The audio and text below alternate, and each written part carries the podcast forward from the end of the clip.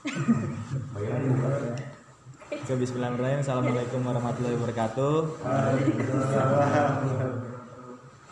Terima kasih teman-teman sudah eh, memberikan kesempatan kepada saya hari ini untuk sharing session. Nah, di sini aku pengen sharing-sharing aja sih terkait eh, apa yang saya tahu, eh, apa yang saya pelajari selama saya perkuliahan dan juga untuk ya untuk sekedar reminder kita semua sih gitu. Eh, pengen ngebahas terkait pentingnya berpikir kritis. Heeh, critical thinking. Jadi eh, pasti banyak kan teman-teman juga saya pun juga sering gitu mendengar informasi-informasi terkait di dunia luar itu banyak sekali. Eh, informasi yang gak jelas ujungnya dari mana terus sumbernya dari mana gitu kan Eh, iya berita-berita hoax lah propaganda dan yang ibaratnya eh, memicu terjadinya sebuah kayak semacam terprovokasi gitu kan. Ini bahasanya udah berat banget nih pagi-pagi Eh, iya eh, jadi informasi-informasi yang seperti itu sih maksudnya kadang suka beberapa juga kayak semacam kita tergiring opini untuk terkait eh, kita menyebarluaskan tanpa tahu sumbernya dari mana gitu dari kejelasannya itu seperti apa kayak gitu kan di sini eh, aku juga pengen sedikit sharing sih kalau terkait dengan semua itu tuh eh, kita juga harus mempelajari apa sih pentingnya berpikir kritis seperti itu. Karena eh, di sini berpikir kritis itu intinya itu adalah kalau cara gampangnya itu cara kita gitu. Cara kita untuk menanggapi sesuatu apa pun itu dari informasi dari segala macam sumber gitu apa pun eh, kita tuh caranya tuh kayak gimana sih menanggapi gitu gitu. Jadi ibaratnya tidak semerta-merta untuk eh, menelan informasi itu langsung menyebarluaskan tanpa tahu sumber dari mana. Dan kadang juga informasi tersebut eh, bisa menjadi pemicu provokasi gitu. Jadi beberapa pihak gitu kayak semacam kayak kemarin tuh yang isu-isu pilpres atau kayak gimana tuh kan banyak tuh berita hoax dan juga yang ibaratnya eh, sifatnya tuh provokatif provokatif dah seperti itu kan. Eh, itu sebenarnya banyak ragamnya banyak ngacemnya dan itu nggak nggak nggak semerta-merta itu baik dan itu benar gitu. Eh kalau aku catat di sini kan tadi pagi sempat nyatet juga eh, berpikir kritis itu kayak semacam sebuah keterampilan gitu, sebuah keterampilan dari seseorang untuk menanggapi suatu hal gitu. Keterampilannya itu terbagi jadi dua, yang itu ada HOTS dan LOTS. Teman-teman udah pernah dengar belum istilah-istilah itu? Eh, jadi kalau misalkan eh, LOTS itu adalah Low Order Thinking Skill. Jadi ibaratnya ini tuh pemetaan dari awal dasar seorang seseorang itu menanggapi suatu hal dan informasi. Jadi lebih awal, lebih awam gitu. Nah, di lots ini terbagi menjadi tiga, tiga sub lagi. Yang pertama itu adalah mengingat. Jadi seseorang itu dikatakan ketika melihat sebuah informasi itu hanya sekedar mengingat aja dalam apa namanya konteks lots ini. Terus tahapan yang kedua itu adalah memahami. Hanya just memahami dan juga mengingat aja.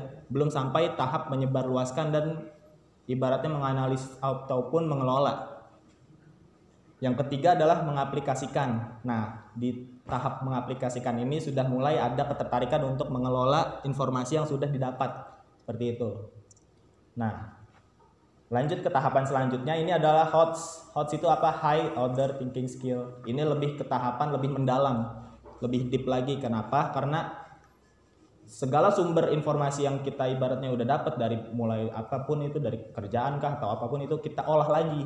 Di sini lebih lebih ada ketertarikan kita untuk mengolah informasi tersebut nih. Wah, nih gue pengen upload nih atau gue pengen apa namanya?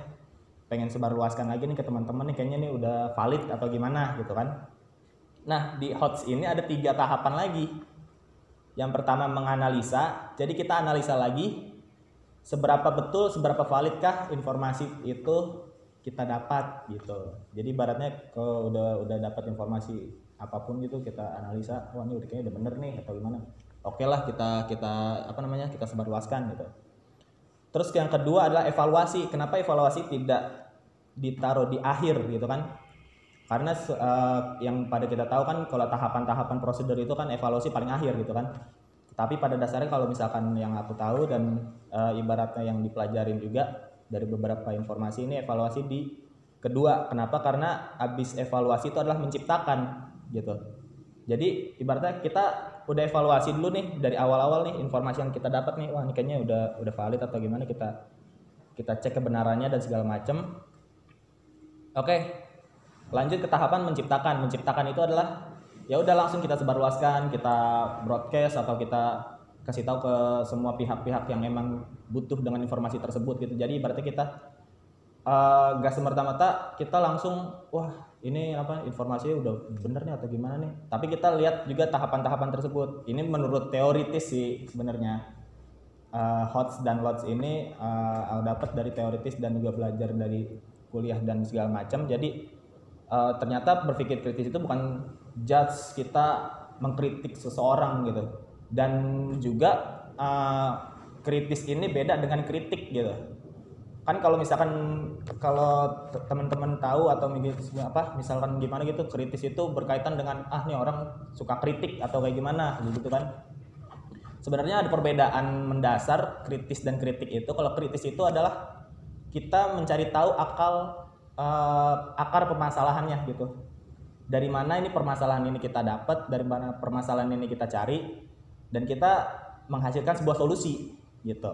Beda dengan kritik. Kalau kritik itu jatuhnya kayak semacam uh, hanya mengeluarkan opini pendapat saja tanpa uh, mengeluarkan sebuah solusi gitu. Jadi ibaratnya kritik-kritik banyak sih kritik-kritik yang membangun, cuman uh, ini jatuhnya kayak semacam sifatnya kayak uh, saling saling mencari kelemahan satu sama lain gitu sih.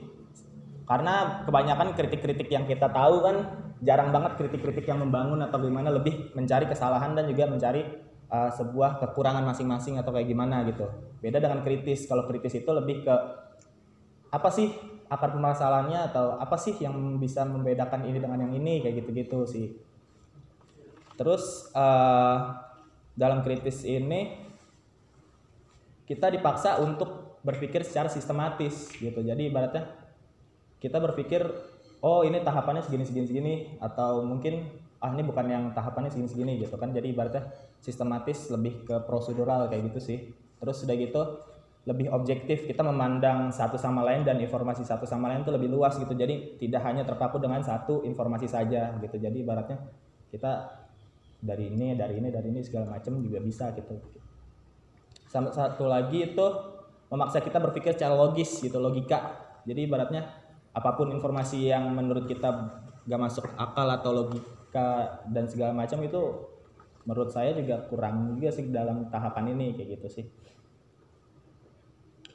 Terus uh, ada beberapa manfaat juga yang saya ambil dari cakupan berpikir kritis ini yang pertama gak mudah percaya. Bener sih ya kan kalau misalkan kita berpikir kritis kita olah lagi datanya pasti kita udah nggak bisa mudah percaya gitu aja kan. Tapi kebanyakan orang yang emang ibaratnya di luar sana yang masih belum belum belum gimana ya belum memenuhi kapasitas dalam berpikir kritis atau kayak gimana gimana tuh yang ibaratnya mager untuk mikir lagi atau kayak gimana kan.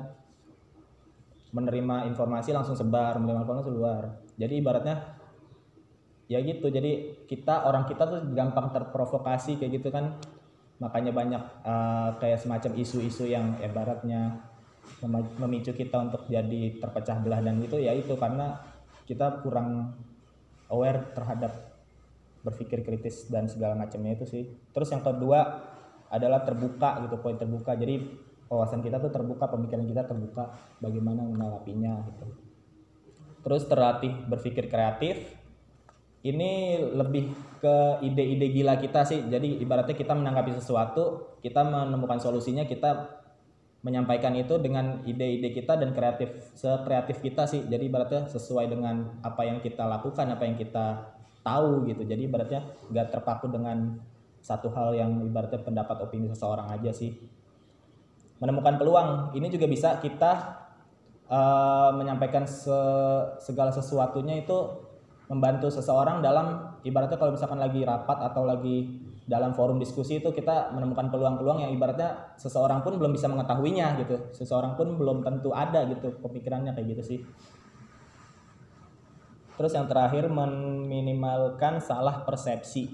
Ya nih ini poin minimal apa salah persepsi ini lebih ya itu lebih kayak poin pertama nggak mudah percaya jadi ada kayak ibaratnya meminimalkan adanya salah-salah persepsi atau salah pendapat sih dari seseorang tersebut Sampai sini ada yang mau ditanyakan? Atau ada yang menambahin? Kalau menurut saya kritik itu penting. Kritik itu penting dalam artian ketika seseorang itu sudah keterlaluan atau sudah ibaratnya melampaui dari batas dan juga pembahasannya sudah melenceng ke mana-mana itu kita perlu juga ada ada yang namanya kritik. Kenapa? Karena itu tadi yang saya bilang kritik itu kan salah satunya uh, kayak mencari kekurangan atau mencari segala macam jadi berarti kalau kita kritik pun juga itu orang juga pasti akan mikir kan oh ini ternyata kekurangan gue uh, pembahasan gue melebar ke mana-mana atau misalkan pembahasan gue kurang atau di mana-mana kayak gitu sih jadi ibaratnya kritik itu juga perlu cuma lihat dari situasi juga sih gitu lagi.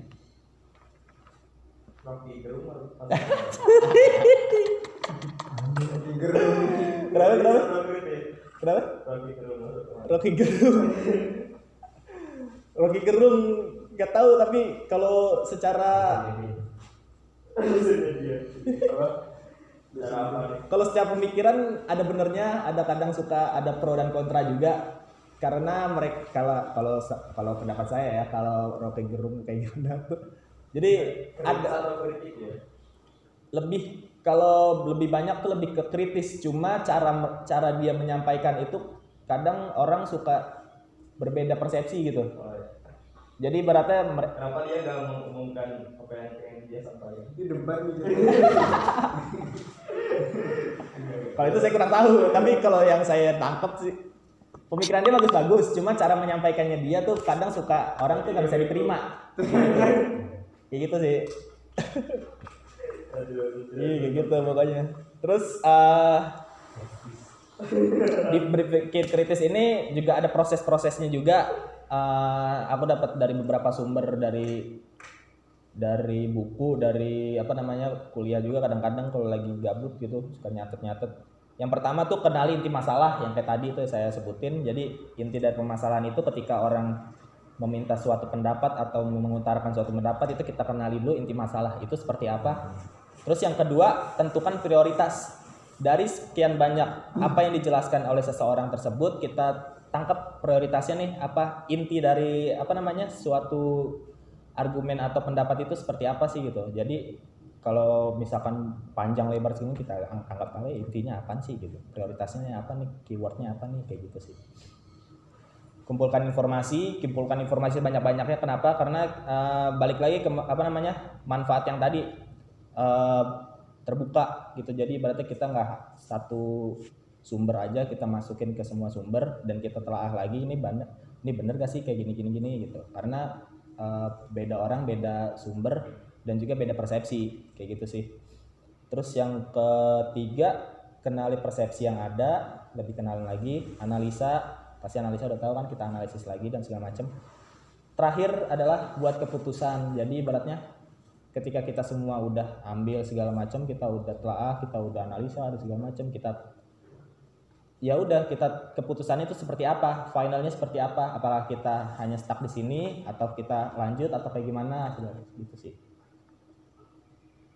metode dari berpikir kritis ini bisa kita lakukan di forum diskusi di debat atau di rapat atau segala macam yang ibaratnya memicu kita untuk uh, mengungkapkan pendapat gitu. Dan juga uh, kita juga apa ya kalau misalkan kita mengaplikasikan ini semua sih jadi kayak semacam apa ya kayak kayak kita tuh lebih lebih lebih kompeten dalam menanggapi hal apa pun gitu. Jadi ibaratnya kita berbeda pendapat boleh. Tapi ibaratnya uh, jangan jangan saling menjatuhkan dan juga gimana ya? Iya kan kalau misalkan kalau lagi rapat atau gimana kan pasti beda pendapat atau gimana segala macam boleh. Emang emang emang harus gitu kan. Tapi kita juga harus menghargai satu sama lain atau kayak gimana gimana gitu. Jadi ibaratnya apa yang kita tuju apa yang kita goals dan segala macam itu dapat berjalan dengan baik sih seperti itu. Ada lagi yang mau ditambahin? Dan tambahin tambahin tambahin tambahin ada yang mau ngomong? Curhat kan. apa curhat itu? Cukup ya?